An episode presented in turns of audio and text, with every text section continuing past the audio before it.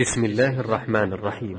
أيها الأحبة يسر تسجيلات التقوى الإسلامية بالرياض أن تقدم لكم هذه المادة والتي هي بعنوان وجوب التواصي بالحق والصبر عليه. لفضيلة الشيخ عبد العزيز بن عبد الله بن باز حفظه الله. بسم الله الرحمن الرحيم. الحمد لله رب العالمين والعاقبة للمتقين والصلاة والسلام على عبده ورسوله وخليله وأمينه على وحيه نبينا وإمامنا وسيدنا محمد بن عبد الله وعلى آله وأصحابه ومن سلك سبيله واهتدى بهداه إلى يوم الدين. أما بعد فإني أشكر الله عز وجل على ما من به من هذا اللقاء في إخوة في الله في بيت من بيوت الله. للتواصي بالحق والصبر عليه والتناصح والتعاون على البر والتقوى. عملا بقوله جل وعلا في كتابه المبين وتعاونوا على البر والتقوى ولا تعاونوا على الإثم والعدوان وبقوله جل وعلا والعصر إن الإنسان لفي خسر إلا الذين آمنوا وعملوا الصالحات وتواصوا بالحق وتواصوا بالصبر. فأسأله سبحانه أن يجعله لقاء مباركا وأن يصلح قلوبنا وأعمالنا جميعا وأن ينصر دينه ويعلي كلمته وأن يمنحنا وإياكم وجميع المسلمين الفقه في دينه والثبات عليه والسلامة من أسباب غضبه وعقابه سبحانه وتعالى. كما نسأله سبحانه أن يصلح أحوال المسلمين جميعا وأن يولي عليهم خيارهم ويصلح قادتهم ويفقههم في الدين ويوفق ويوفق قادتهم لتحكيم شريعة الله في عباد الله. كما أسأله سبحانه أن يوفق ولاة أمرنا في هذه البلاد وأن يعينهم على كل خير وأن يصلح لهم البطانة وأن ينصر بهم الحق ويخذل بهم الباطل وأن يجعلنا وإياكم وإياهم من الهداة المهتدين إنه على كل شيء قدير. أيها الإخوة بالله عنوان الكلمة التواصي وجوب التواصي بالحق والصبر عليه. من المعلوم أن المسلمين في كل زمان وفي كل مكان في أشد الحاجة إلى التواصي بالحق والصبر عليه والتعاون على البر والتقوى لأن بذلك تستقيم الأحوال وتؤدى الفروض وتجتنب المحارم ويحصل التعارف والتواصي بالحق والتعاون على البر والتقوى. وبالغفلة والإهمال والإعراض تكثر المنكرات ويقل التناصر على الحق. ويسود الباطل ويخذل الحق. فلهذا أوجب الله على عباده التواصي بالحق والصبر عليه. وأوجب عليهم سبحانه التعاون البر والتقوى وجعلهم خير أمة أخرجت للناس إذا قاموا بهذا. كما قال عز وجل كنتم خير أمة أخرجت للناس. تأمرون بالمعروف وتنهون عن المنكر وتؤمنون بالله.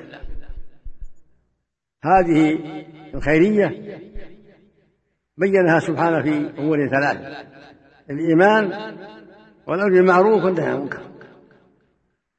فمتى حققت الأمة في أي بلد وفي أي زمان وفي أي مكان متى حققت هذه الصفات الثلاث كانت تلك الأمة أو تلك الطائفة من خير الأمة في الناس. بتحقيقها الإيمان والأمر بالمعروف والنهي عن المنكر.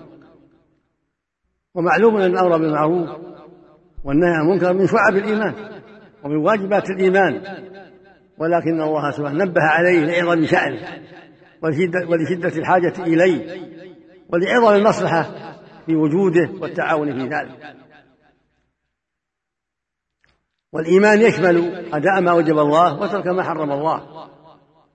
كله إيمان وأساسه وأصله توحيد الله والإخلاص له.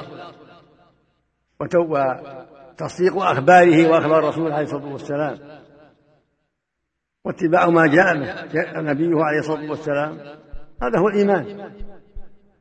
أن توحد الله وتخصه بالعبادة وأن تؤمن به ربا وإلها ومعبودا بالحق وأن تؤمن برسوله محمد عليه الصلاة والسلام رسولا للأمة جميعها جنها وإنسها. وأن تتبع ما جاء به عن رغبة وإيمان وتصديق ومحبة.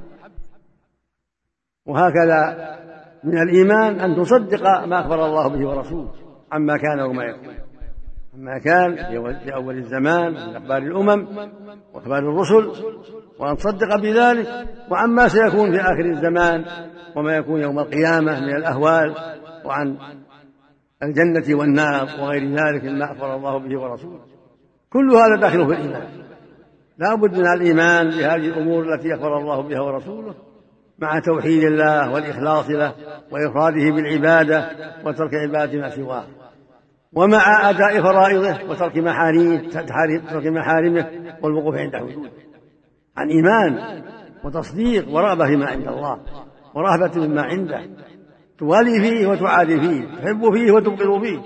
كل هذا من الإيمان. وكل هذا من صفات خير الأمة. وذكر في موضع آخر سبحانه أيضا صفات المؤمنين. فقال والمؤمنون والمؤمنات بعضهم أولياء بعض. يأمر بالمعروف وينهون عن المنكر ويقيمون الصلاة ويؤتون الزكاة ويطيعون الله ورسوله. أولئك سيرحمهم الله إن الله عزيز حكيم. هذه صفة المؤمنين والمؤمنات هذه أخلاقهم. وبذلك يرحمون في الدنيا بالتوفيق والثبات ويرحمون في الآخرة بالنجاة من النار وبدخول الجنة. فالمؤمنون والمؤمنات جميعا أولياء متحبون في الله متناصحون يتواصون بالحق والصبر عليه ويتعاون بالبر والتقوى. لا يغش بعضهم بعضا ولا يخون بعضهم بعضا. ولا يظلم بعضهم بعضا. بل ينصح كل واحد للآخر. ويأمره بالمعروف. وينهاه عن المنكر. ويساعده في الخير. ويحجزه عن الشر حسب طاقته. والمؤمنون والمؤمنات بعضهم أولياء بعض. والولي ضد العدو. فالولي هو الذي يحبك وينصح لك. ويعينك على الخير. كما أنه يعينك على ترك الشر. هذا هو وليك ليس وليك من تابع هواك في الحق في الحق والباطل. لا. وليك من تابع هواك في الحق. وخالفك في الباطل ونصح لك وأعانك على كل خير. وأعانك على ترك كل شر. هذا هو ولي. وهو محبك في الحقيقة.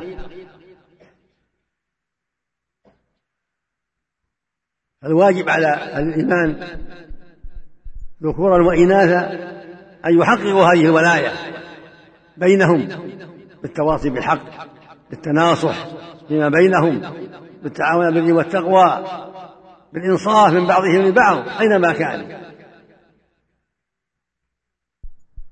في المعاملات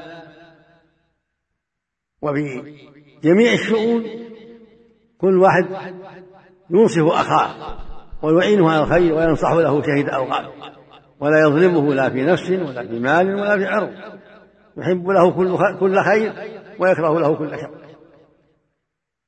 هذا كل داخل في قوله بعضهم أولياء بعض وداخل في قوله وتواصوا بالحق وداخل في قوله وتعاونوا على البر والتقوى.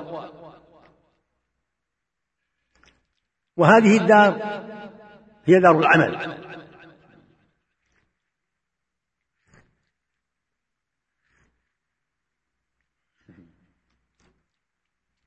وهذه الدار وهي دار الدنيا هي دار العمل دار المجاهدة دار الصبر دار التناصح والتواصي. حتى ينزل عليك أجلك حتى تفارق هذه الدار.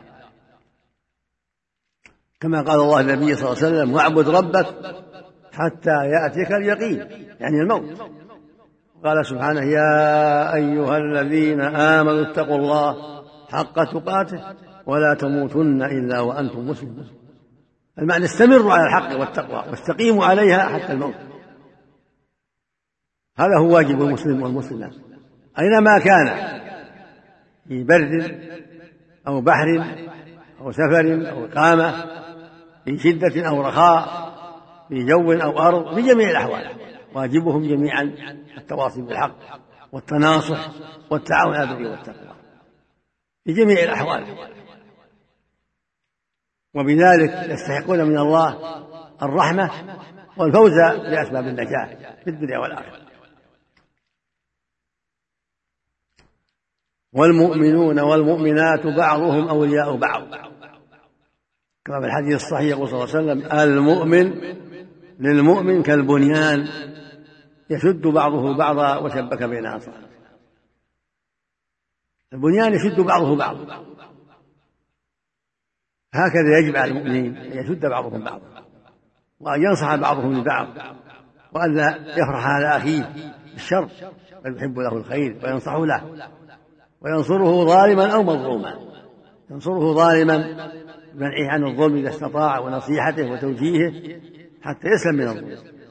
ونصيحته مظلوما بأن يعينه على تحصيل ظلامته. والنصيحة لمن ظلمه بأن يؤدي حقه.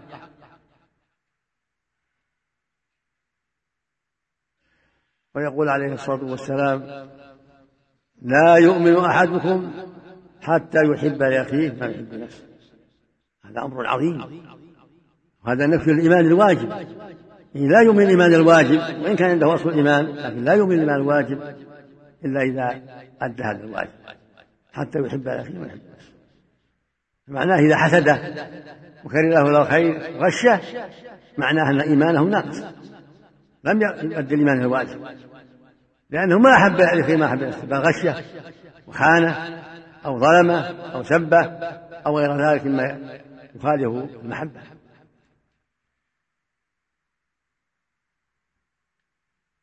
وإذا وقع شيء من ذلك فلا بد من التوبة. لا بد من التوبة. والتوبة يمحو الله بها ما قبلها. استوفت شروطها من الندم على الماضي والإقلاع من الذنب والعزم الصادق ألا يعود فيه. ورد المظلمة على صاحبها إذا كان ظالما لأحد أو تحلله من ذلك فإذا أباحه أخوه أو رد إليه ظلمته تمت التوبة. وفي الحديث أيضا ثابت في الصحيحين يقول صلى الله عليه وسلم مثل المؤمن في توادهم.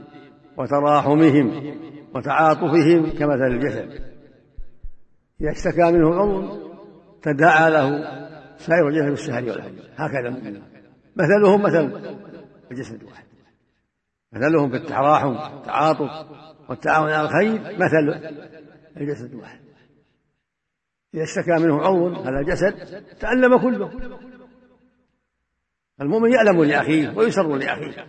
ويحب له كل خير ويكره له كل شر.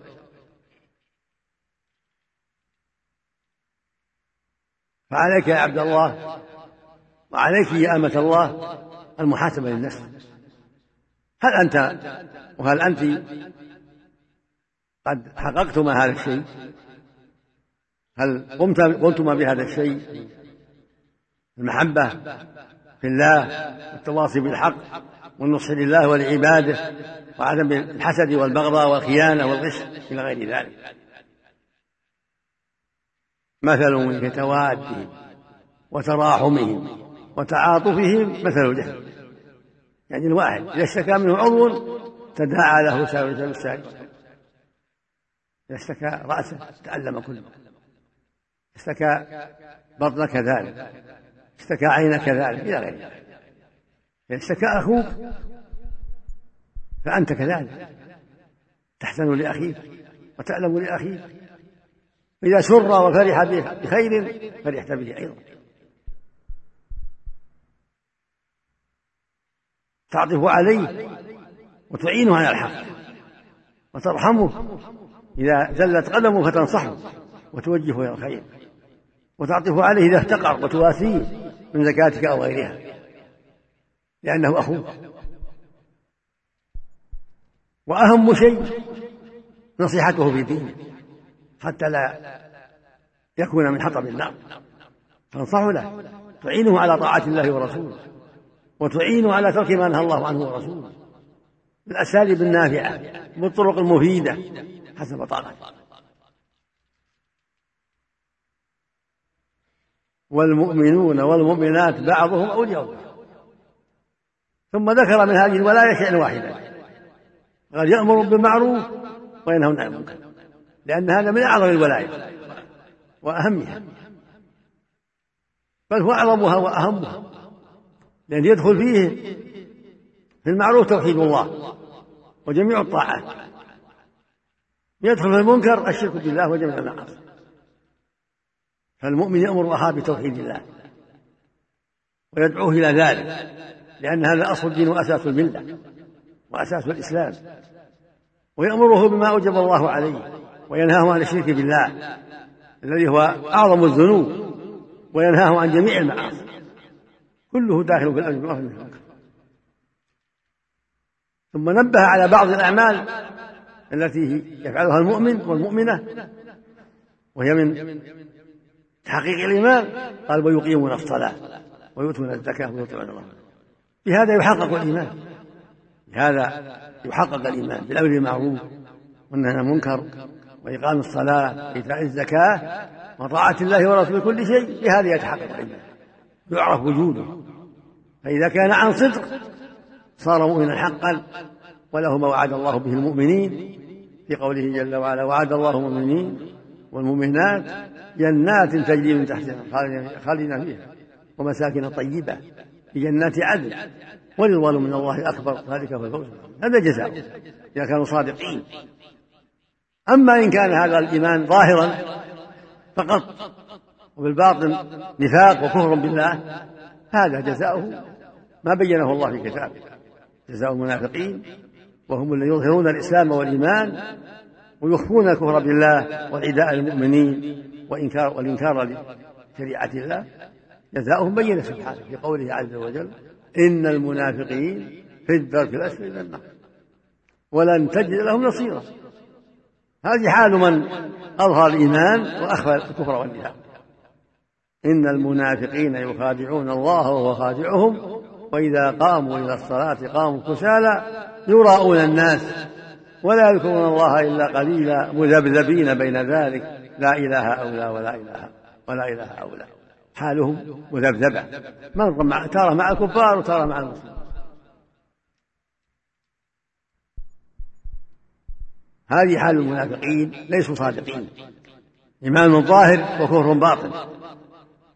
أما المؤمن صادق فهو الذي ظاهره على الإيمان وباطنه على الإيمان. ظاهره وباطنه سواء. كما أنه مؤمن بالله واليوم الآخر باطنا فهو أيضا كذلك في الظاهر.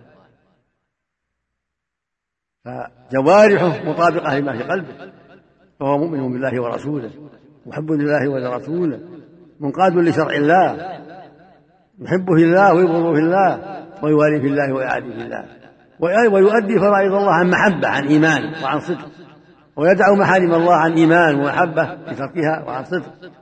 هكذا المؤمنون والمؤمنات الصادقون. فكل واحد منا يحاسب نفسه في هذا كل واحد نفسه هل هو من هؤلاء؟ هل تنطبق عليه صفاتهم ومتى جاهد نفسه لله أفلح. وفاز بالتوفيق.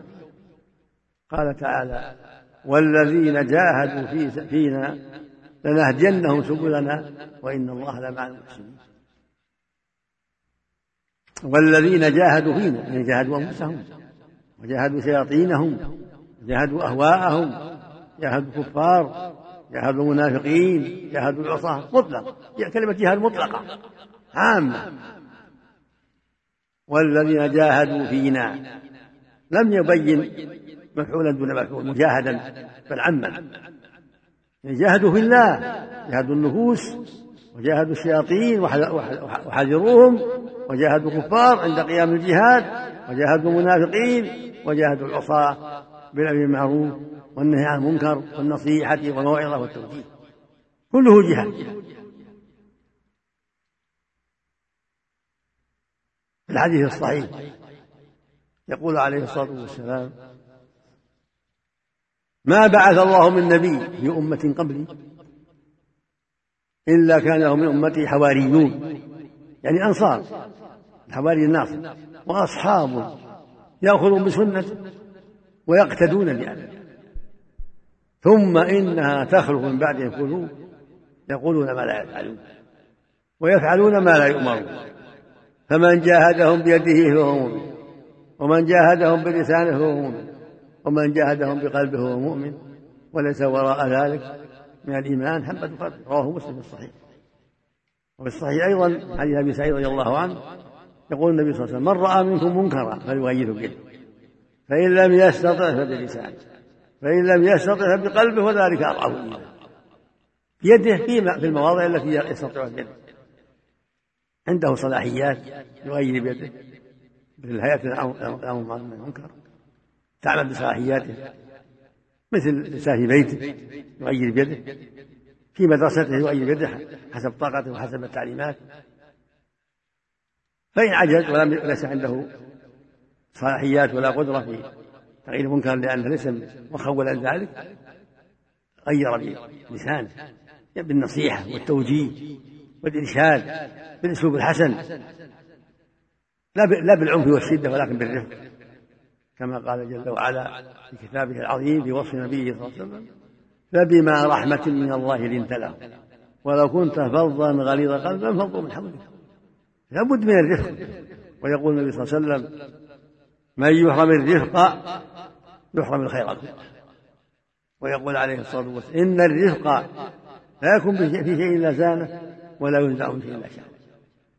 فعلى الامر والناهي والناصح لله ولعباده عليه الرفق في كل أمور.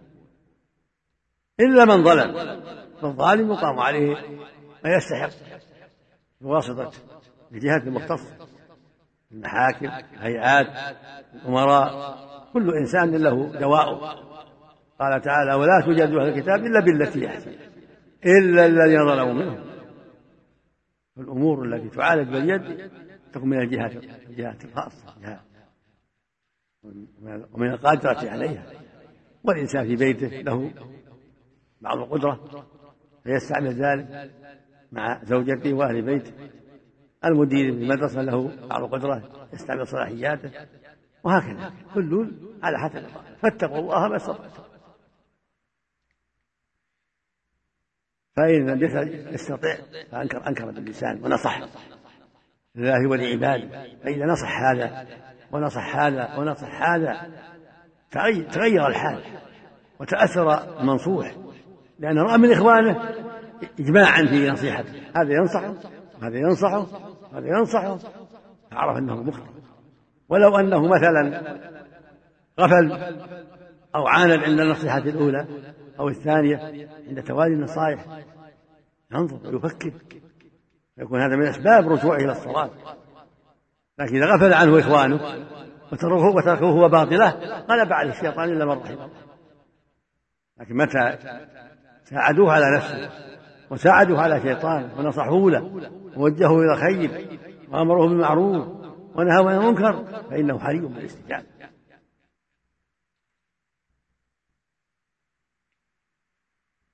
ومن هذا الباب السورة العظيمة سورة العصر فإنها سورة عظيمة كما قال الشافعي رحمه الله لو فكر الناس بها لكفتهم أمرها عظيم مشتملة على أسباب الربح والنجاة وعلى أسباب الخسران والهلاك.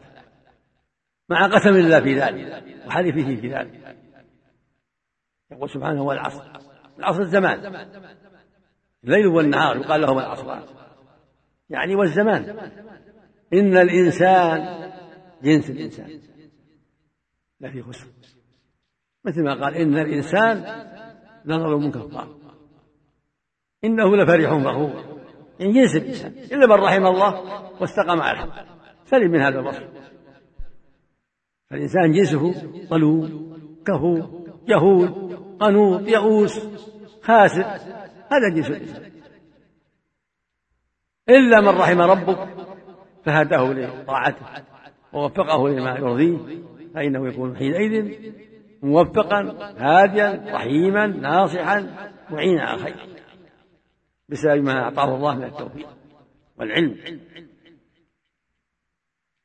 والعصر إن الإنسان إلا الذين آمنوا وعملوا الصالحات وتواصوا بالحق وتواصوا هؤلاء مقام الربح في هؤلاء. بقية الناس من جن وإنس كلهم خاسرون. عرب وعجم ذكور وإناث في أي مكان هم خاسرون. جميع الخلق خاسرون فيما مضى وفيما يأتي وفي الحاضر. إلا الذين آمنوا وعملوا الصالحات وتواصوا بالحق وتواصوا بالصبر. هؤلاء هم الرابحون الربح الكامل المستحقون لفضل الله وكرامته ونجاته في الدنيا والآخرة. هم الذين آمنوا بالله ورسوله إيمانا صادقا. وهذا الإيمان يتضمن توحيد الله والإخلاص له والإيمان بأسمائه وصفاته وبأنه رب العالمين وأنه الخلاق العليم وأنه المستحق لأن يعبد ويطاع ويتضمن الإيمان برسوله عليه الصلاة والسلام وأنه رسول الله حقا وأنه خاتم الأنبياء لا نبي بعده ويتضمن الإيمان بجميع المرسلين والأنبياء وبكل ما أخبر الله به ورسوله مما كان وما يكون. ثم حققوا هذا الإيمان وصدقوه بالأمر الثاني هو العمل. والعمل الصالحات وماذا يدري الناس عن الإيمان؟ ما مع عمل. إذا قال أنا مؤمن أو مسلم أو عالم أو قارئ وليس هناك شيء يدل على ما قال ما شيء. إذا كان مؤمن لابد له أعمال أعمال الإيمان. العالم له أعمال. لابد من من إيجاد الدليل. الطبيب كذلك إلى غير ذلك. فالأعمال تدل على ما وراءها. ما عند الإنسان في قلبه وداخله. لا يعرف إلا بأعماله وأقواله وسيرته. فإن أظهر خيرا دل على إبطانه خيرا. وإن أظهر شرا دل على إبطانه شرا. إلا من ثبت نفاقه فالواجب العمل وهو من الإيمان أيضا. العمل من الإيمان. كما قال أهل السنة والجماعة الإيمان قلوب وعمل يزيد وينقص بالطاعات وينقص بالمعاصي. قد دل على هذا كتاب الله فإنه ذكر أعمال الإيمان ذكر الصلاة والزكاة والأمر بالمعروف والنهي عن المنكر وغير ذلك ذكرها في أعمال المؤمنين. قد أفلح المؤمنون الذين هم صلاتهم خاشعون والذين هم للغو معرضون والذين هم للزكاة فاعلون الآيات. والمؤمنون والمؤمنات بعضهم أولياء بعض يأمرون بالمعروف وينهون عن المنكر يقيمون الصلاة ويؤتون الزكاة ويطيعون الله ورسوله. إلى غير هذه من الآيات. هي بيان أعمال المؤمنين وصفاتهم. ويقول النبي صلى الله عليه وسلم الإيمان بضع وسبعون شعبة. بضع وسبعون شعبة يعني خصلة. أفضلها قول لا إله إلا الله. ومعها شاتان لرسول الله كما في النصوص الأخرى الشاة الثانية هي قرينتها. فأفضل الشعب شهادة أن لا إله إلا الله وأن محمدا رسول الله. وأدناها إماضة الأذى عن الطريق. هذا أدناها تزيل أذى من حجر أو شوكة أو عظم أو غير هذا مما يؤذي. هذا من شعب الإيمان. والحياء شعبة من الإيمان. الحياء وهو خلق داخلي خلق قلبي. عظيم. يتضمن استحسان الأعمال الطيبة والأخلاق الطيبة والأقوال الطيبة واستقباح الخبيث. فيمنعه حياؤه من كل عمل خبيث ومن كل قول خبيث ويحمله حياؤه على التخلق بالأخلاق الكريمة والصفات الحميدة والأعمال المجيدة. وهذه الشعب يدخل فيها الصلاة الزكاة الصيام الحج الجهاد بر الوالدين إلى غير ذلك. بضع وسبعون شعبة فعلم بذلك أن الأقوال الشرعية والأعمال الشرعية كلها من الإيمان سواء كانت داخلية بالقلوب خوف الله ورجائه ومحبته والشوق إليه والنصح له بالقلوب إلى غير ذلك من أعمال القلوب أو كانت باللسان كالتسبيح والتهليل والتحميد والتكبير وذكر الله وقراءة القرآن والأمر بالمعروف والنهي عن المنكر إلى غير هذا من عبادة اللسان أو كانت من عبادات الجوارح من الصلاة والحج وغير ذلك.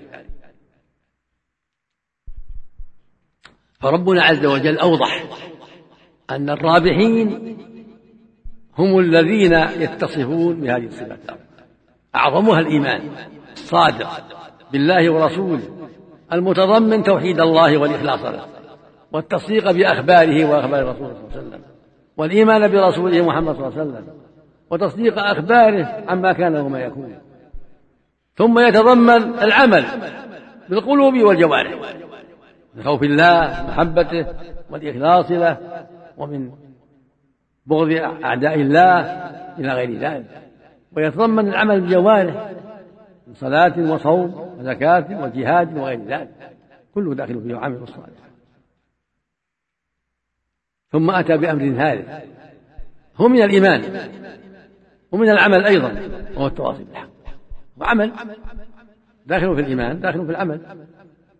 لكن لماذا ذكره الله؟ لحكمة عظيمة. ليعلم الناس أنه من الإيمان وأنه من من الأعمال الصالحة. لا بد منه. تواصي بالحق.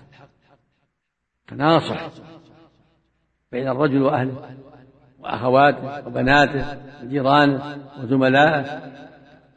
بين الرجل وجيرانه وجلسائه. بين الراعي والرعية. بين الإخوان. إلى غير ذلك. بين كل فرد وبين الرعية يتواصى بالحق معه. لا يقول ما علي من الناس. حسبي نفسي لا. مو بحسبك نفسك. أنت مسؤول حسب الطاقة. أنت مسؤول عن النصيحة لله ولعباده مسؤول عن نصيحة إخوانك. عن أمرهم بالمعروف. عن نهي عن المنكر بالحكمة. والكلام الطيب. قال تعالى أدعو إلى سبيل ربك بالحكمة. إن بالعلم. قال الله قال الله وموعظة الحسنة الوعظ الطيب. الرفيق بالترغيب في الجنة التحذير من النار الترغيب في الأخلاق الفاضلة التحذير من الأخلاق السيئة بالكلام الطيب. وجادلهم بالتي أحسن عند شبه عند المنازعة يجادل المشبه والمنازع التي أحسن.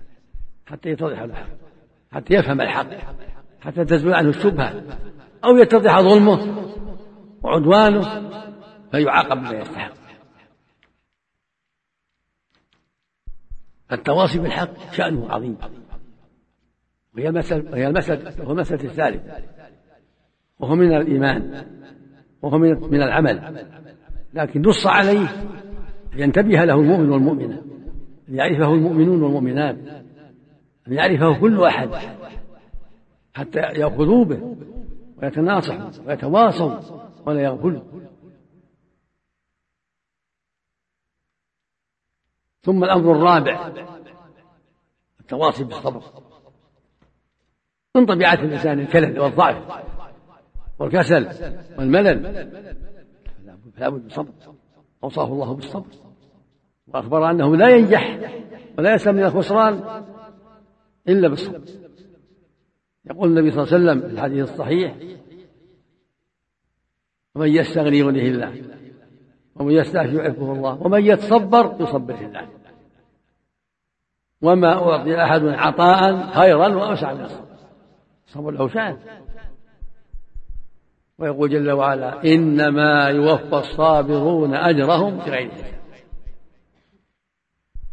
ويقول جل وعلا إنه من يتقي ويصبر فإن الله لا يضيع أجر المحسنين.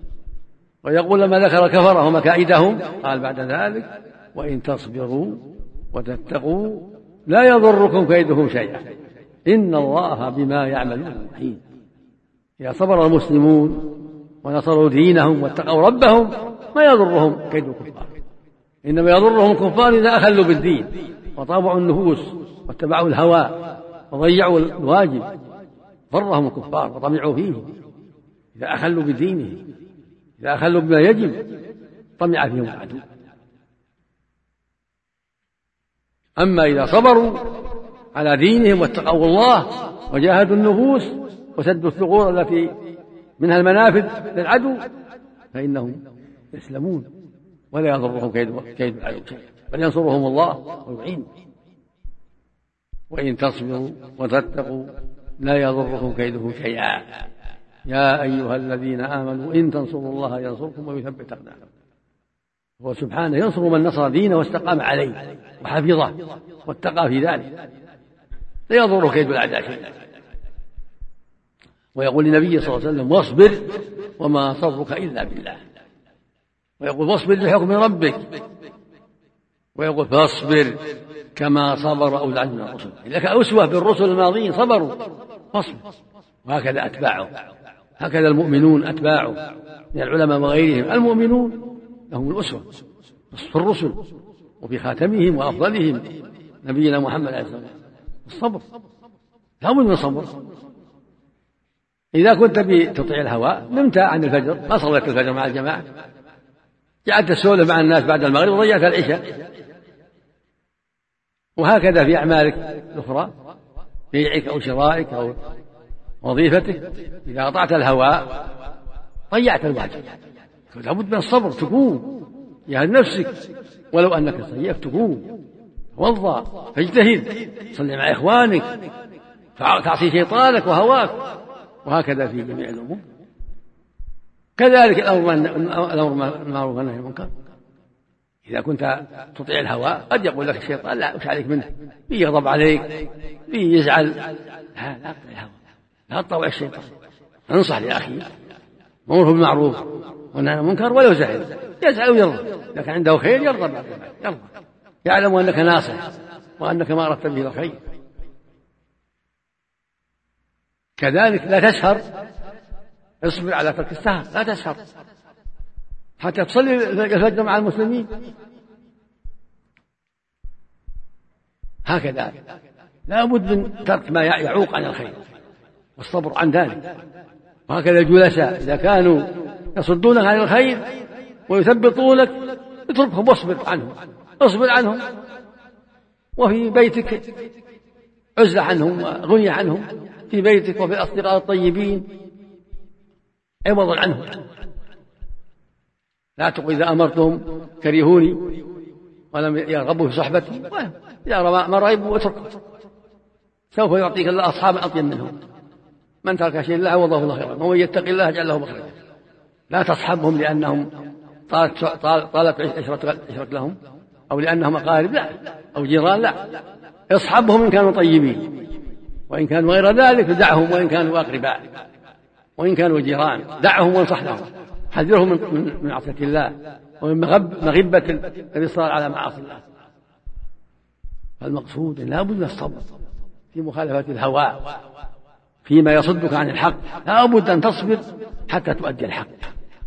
وحتى تشارك إخوانك في الحق في صلاة الجماعة في غير ذلك في الجهاد. في غير ذلك ولا بد من الصبر عن معاصي الله. لا بد من الصبر عن معاصي الله. ترك الصلاة أعظم معصية. معصية كفر. لأن الكفر أعظم المعاصي. وترك الصلاة كفر بالله. فلا بد من جهاد النفس حتى تصلي مع الناس. حتى تصلي الصلاة في وقتها مع إخوانك حتى تصلي المرأة في وقت تصلي الصلاة في وقتها المرأة. لا بد من الصبر والجهاد لأن تركها كفر بالله وضلال والصلاة عمود الإسلام. هكذا الزكاة لابد من صبر على إخراج المال. لا تبخل. اصبر على إخراج المال. أد الحق. وابشر بالخلف الجزيل والرضا من الله. وهكذا الصيام. اصبر وصم ما فرض الله عليك. وصم صيامك من محارم الله صنه. من الغيبة والنميمة وأكل الحرام وغير ذلك. هكذا الحج حج حج الفريضة واصبر وأنفق المال حتى تؤدي الحج الذي فرض الله عليك وحتى تؤديه بإخلاص وصدق وعفة عن محارم الله وعدم رفث وعدم فسوق. تؤدي حجا كاملا ليس فيه رفث ولا فسوق. كما قال النبي عليه الصلاة والسلام من حج فلم يرفث ولم يفسق رجع كيوم ولدته أمه يعني مغفورا له. وقال عليه الصلاة والسلام العمرة إلى العمرة كفارة لما بينهما والحج المبرور ليس له جزاء إلا الجنة. الأمر عظيم. لابد من صبر. هكذا في زوجتك تصبر على أداء حقها والرفق بها وإحسان العشرة لها لأن الله يقول وعاشروهن بالمعروف. لا تظلمها لأنها ضعيفة. لا تظلمها اتق الله. كن مبسط الوجه طيب الكلام طيب العشرة تؤدي الحق برفق وكلام طيب وأسلوب حسن ووجه منبسط. ولا تكن شرس الأخلاق عليها كأنها عدوه لك. اتق الله. وارحمها وأحسن إليها وعاشرها بالمعروف الله يقول وعاشروهن بالمعروف والنبي يقول صلى الله عليه وسلم استوصوا بالنساء خيرا. فلا بد من استصاب فإن خيرا. فإنهن خلقن من ضلع من ضلع. قال ضلع وضلع. وإن أعوج في الضلع لا. فإن ذهبت تقيم كسرته وإلا لم يزل أعوج. في بعض الصحف نشرت بعض الجاهلات استنكارا أنها خلقت من ضلع. هذا من جهلها وضلالها. هي خلقت من ضلع خلقت من آدم. حواء خلقت من آدم. وفيها نقص. ولكن هذا النقص. لابد يعد يجتهد الإنسان حتى يخفف النقص. مو بيكسرها يظلمها. يجتهد في معاشرة بالمعروف والإحسان إليها وتقويمها وتعليمها وإرشادها الخير بالأسلوب الحسن. والله يقول أيضا سبحانه ولهن مثل الذي عليهن وللرجال عليهن لك درجة. لكن هذه الدرجة ما تخولك الظلم. ما تخولك أن تكون كالسبع. لا لك حق عليها أكثر من حقها. عليك لكن عليك أن تنصفها وأن تستوصي بها خيرا وأن تعطيها حقها وأن تحسن عشرتها في جميع الأحوال. وهي كذلك عليها أن تتقي الله معك وأن تنصفك وأن تسمع وتطيع لك المعروف وأن تكون طيبة الخلق. طيبة الوجه طيبة المعاشرة. كل منكم عليه الجهاد وتواصوا بالصبر. الزوج والزوجة كلاهما. وبسبب عدم التواصي بالحق يكثر الطلاق. الطلاق عند أقل سبب لضعف الإيمان وقلة الصبر. عند أتفه الأسباب يطلق وعند أتفه الأسباب تطلب الطلاق. لا ينبغي الصبر وعدم طلب الطلاق وعدم الأخلاق الرذيلة لا منك ولا منها. عليك أن تكون جيدا رفيعا النفس طيبا مع زوجتك تعاشرها بالمعروف وتصبر على بعض الإعوجاج وتجتهد في التعديل. وعليها هي أن تصبر وأن تسمع وتطيع المعروف وأن تحسن خلقها وأن تقوم بواجب بيتها وواجب أولادها وأن تكون طيبة الخلق. تعينك على الخير وتساعدك على الخير بنفس طيبة وكلام طيب وخلق حسن. كلاكما هكذا يجب أن تكون هكذا. تتعاونا على البر والتقوى تعاون على الإصلاح تصبران جميعا. أنت تصبر عليها وهي تصبر عليك. وكل واحد يجتهد في أن يكون أطيب من الآخر. كل واحد يكون مع زوجته مع أبيه مع أخته مع أولاده يكون طيب طيب الخلق. يحرص على أن يكون طيب العشرة طيب مع الجد في الإصلاح والتوجيه إلى الخير. حسب.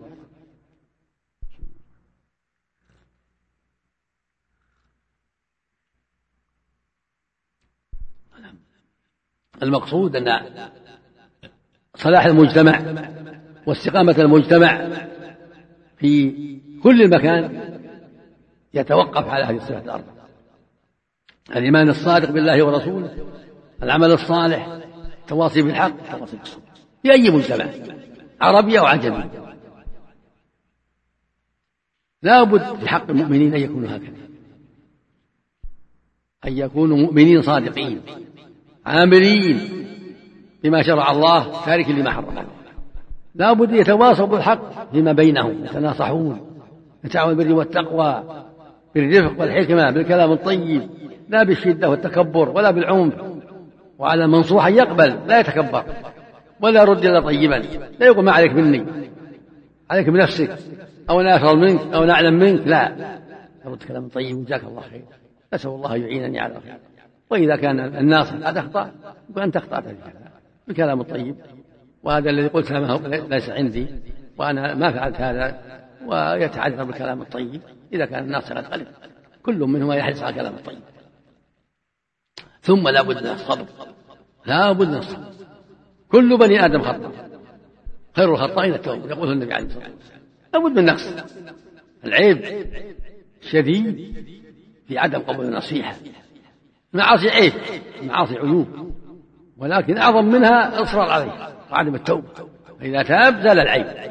ولم يلم بعد إذا تاب لا يقال شيء بعد التوبة. يشرب. ما دام على العيب ينصح ويوجه إلى الخير. ويعاب بالعيب هذا حتى يتوب منه. فإذا تاب ورجع لم يجز بعد ذلك عيب.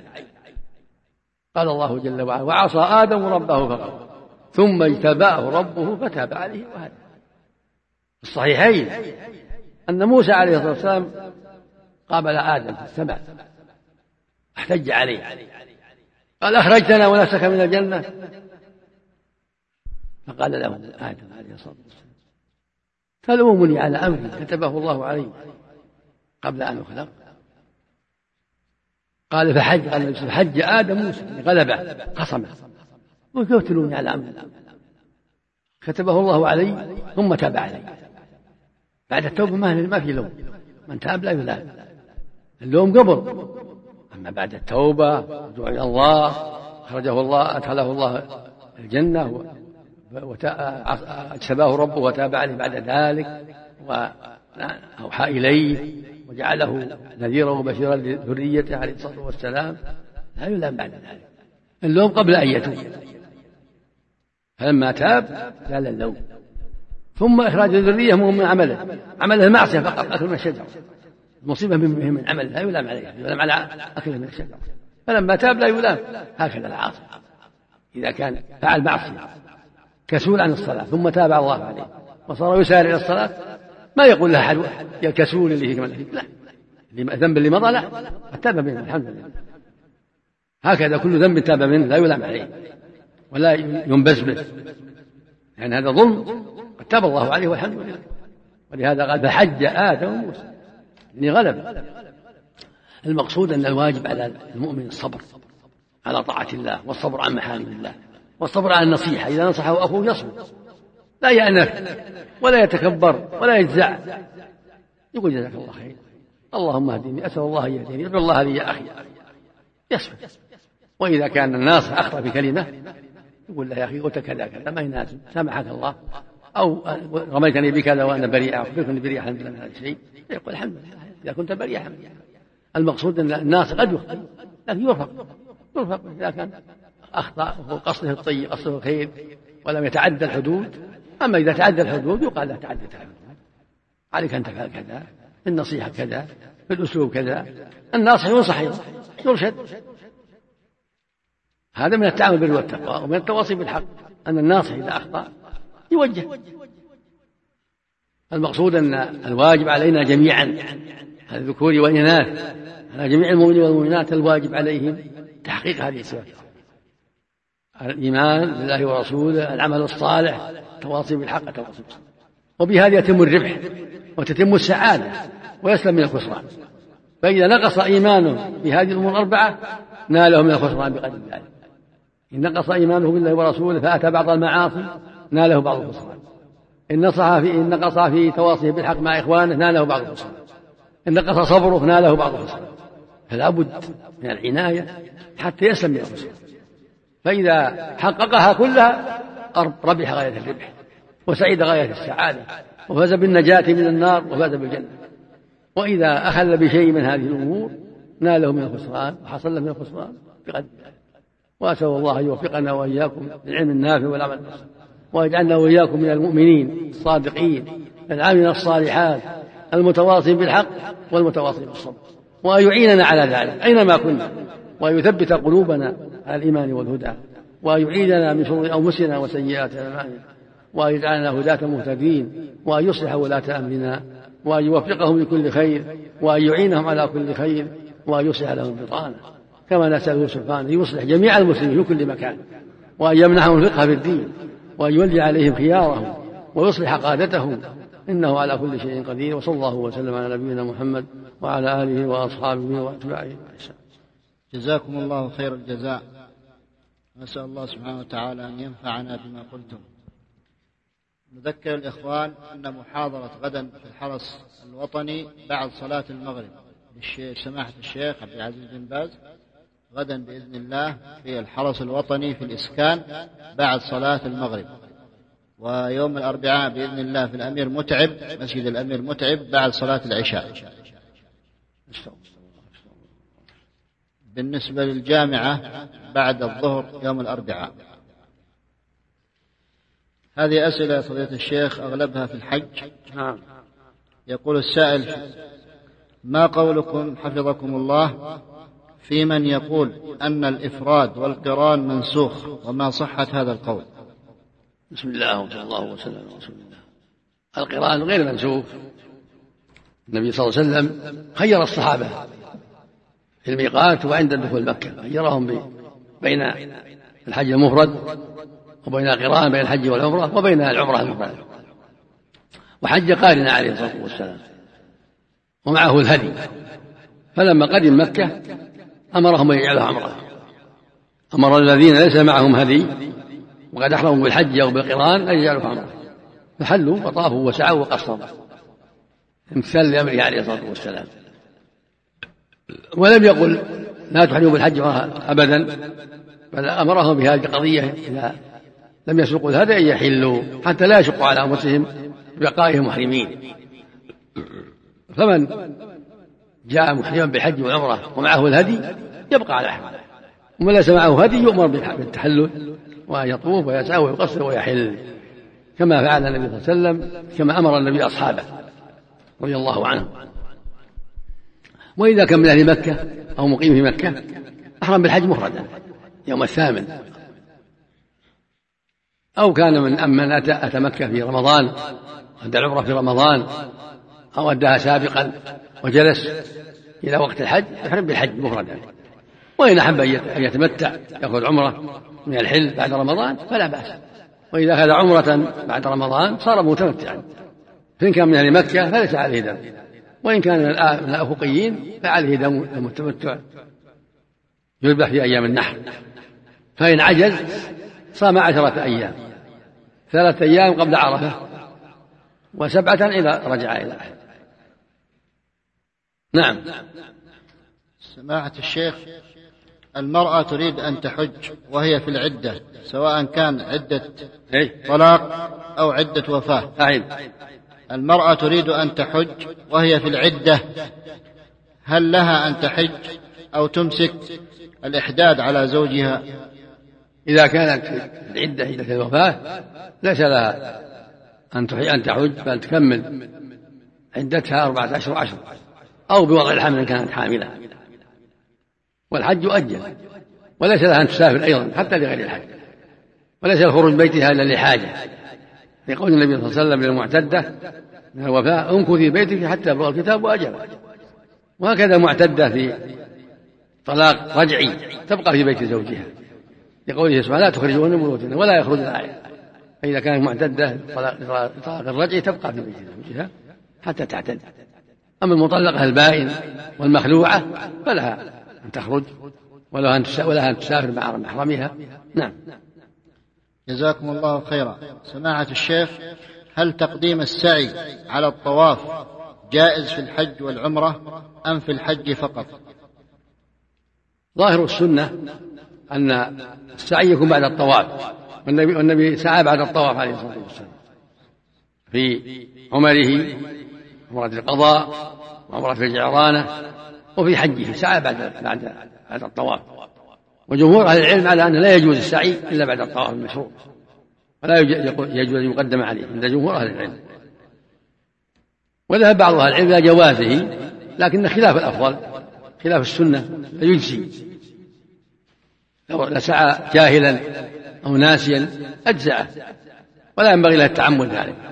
واحتجوا على هذا بما رواه أبو داود بإسناد صحيح أن رجل قال يا رسول الله سعيت قبل أن أطوف قال لا حرج. وهذا قد يقع بعض الجهلة يوم العيد يبدأ بالسعي قبل الطواف.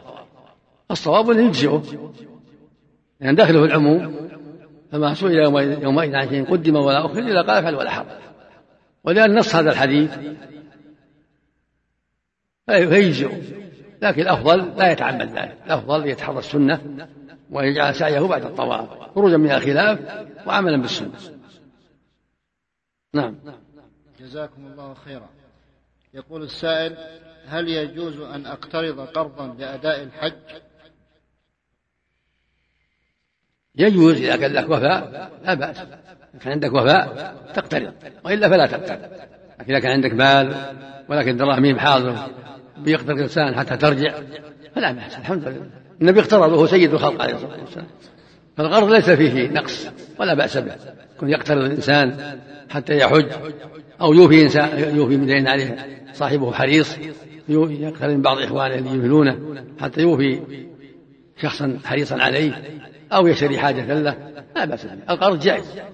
إذا كان له وفاء وإلا فلا حج عليك لا تحج لا تكلف نفسك. الحج على من استطاع السبيل إليه. جزاكم الله خيرا. يقول السائل أنا من أهل جدة وأريد الحج إن شاء الله متمتعا. فهل يجوز لي يا فضيلة الشيخ أن أعتمر ثم أعود إلى بلدة إلى جدة ثم أحرم في اليوم الثامن؟ نعم نعم. أهل جدة وأهل المدينة وأهل الطائف لهم إذا أخذوا العمرة يرجعوا المدينة إلى جدة إلى الطائف إلى الرياض حيث شاءوا. فإذا جاء وقت الحج أحرموا بالحج لا بأس. يؤدي يؤدي أركان العمرة أمساك العمرة. ثم إذا أحب يخرج يخرج جدة ويبقى عند أهله. فإذا جاء يوم الثامن سن له الإحرام بالحج. يغتسل يتطيب توضأ وصلي ركعتين ويحرم بالحج. بعدما يلبس ملابس الإحرام يتأهب يركب السيارة ويلبي وهو السيارة. أفضل يلبي بعد الركوع كما فعله النبي عليه الصلاة والسلام.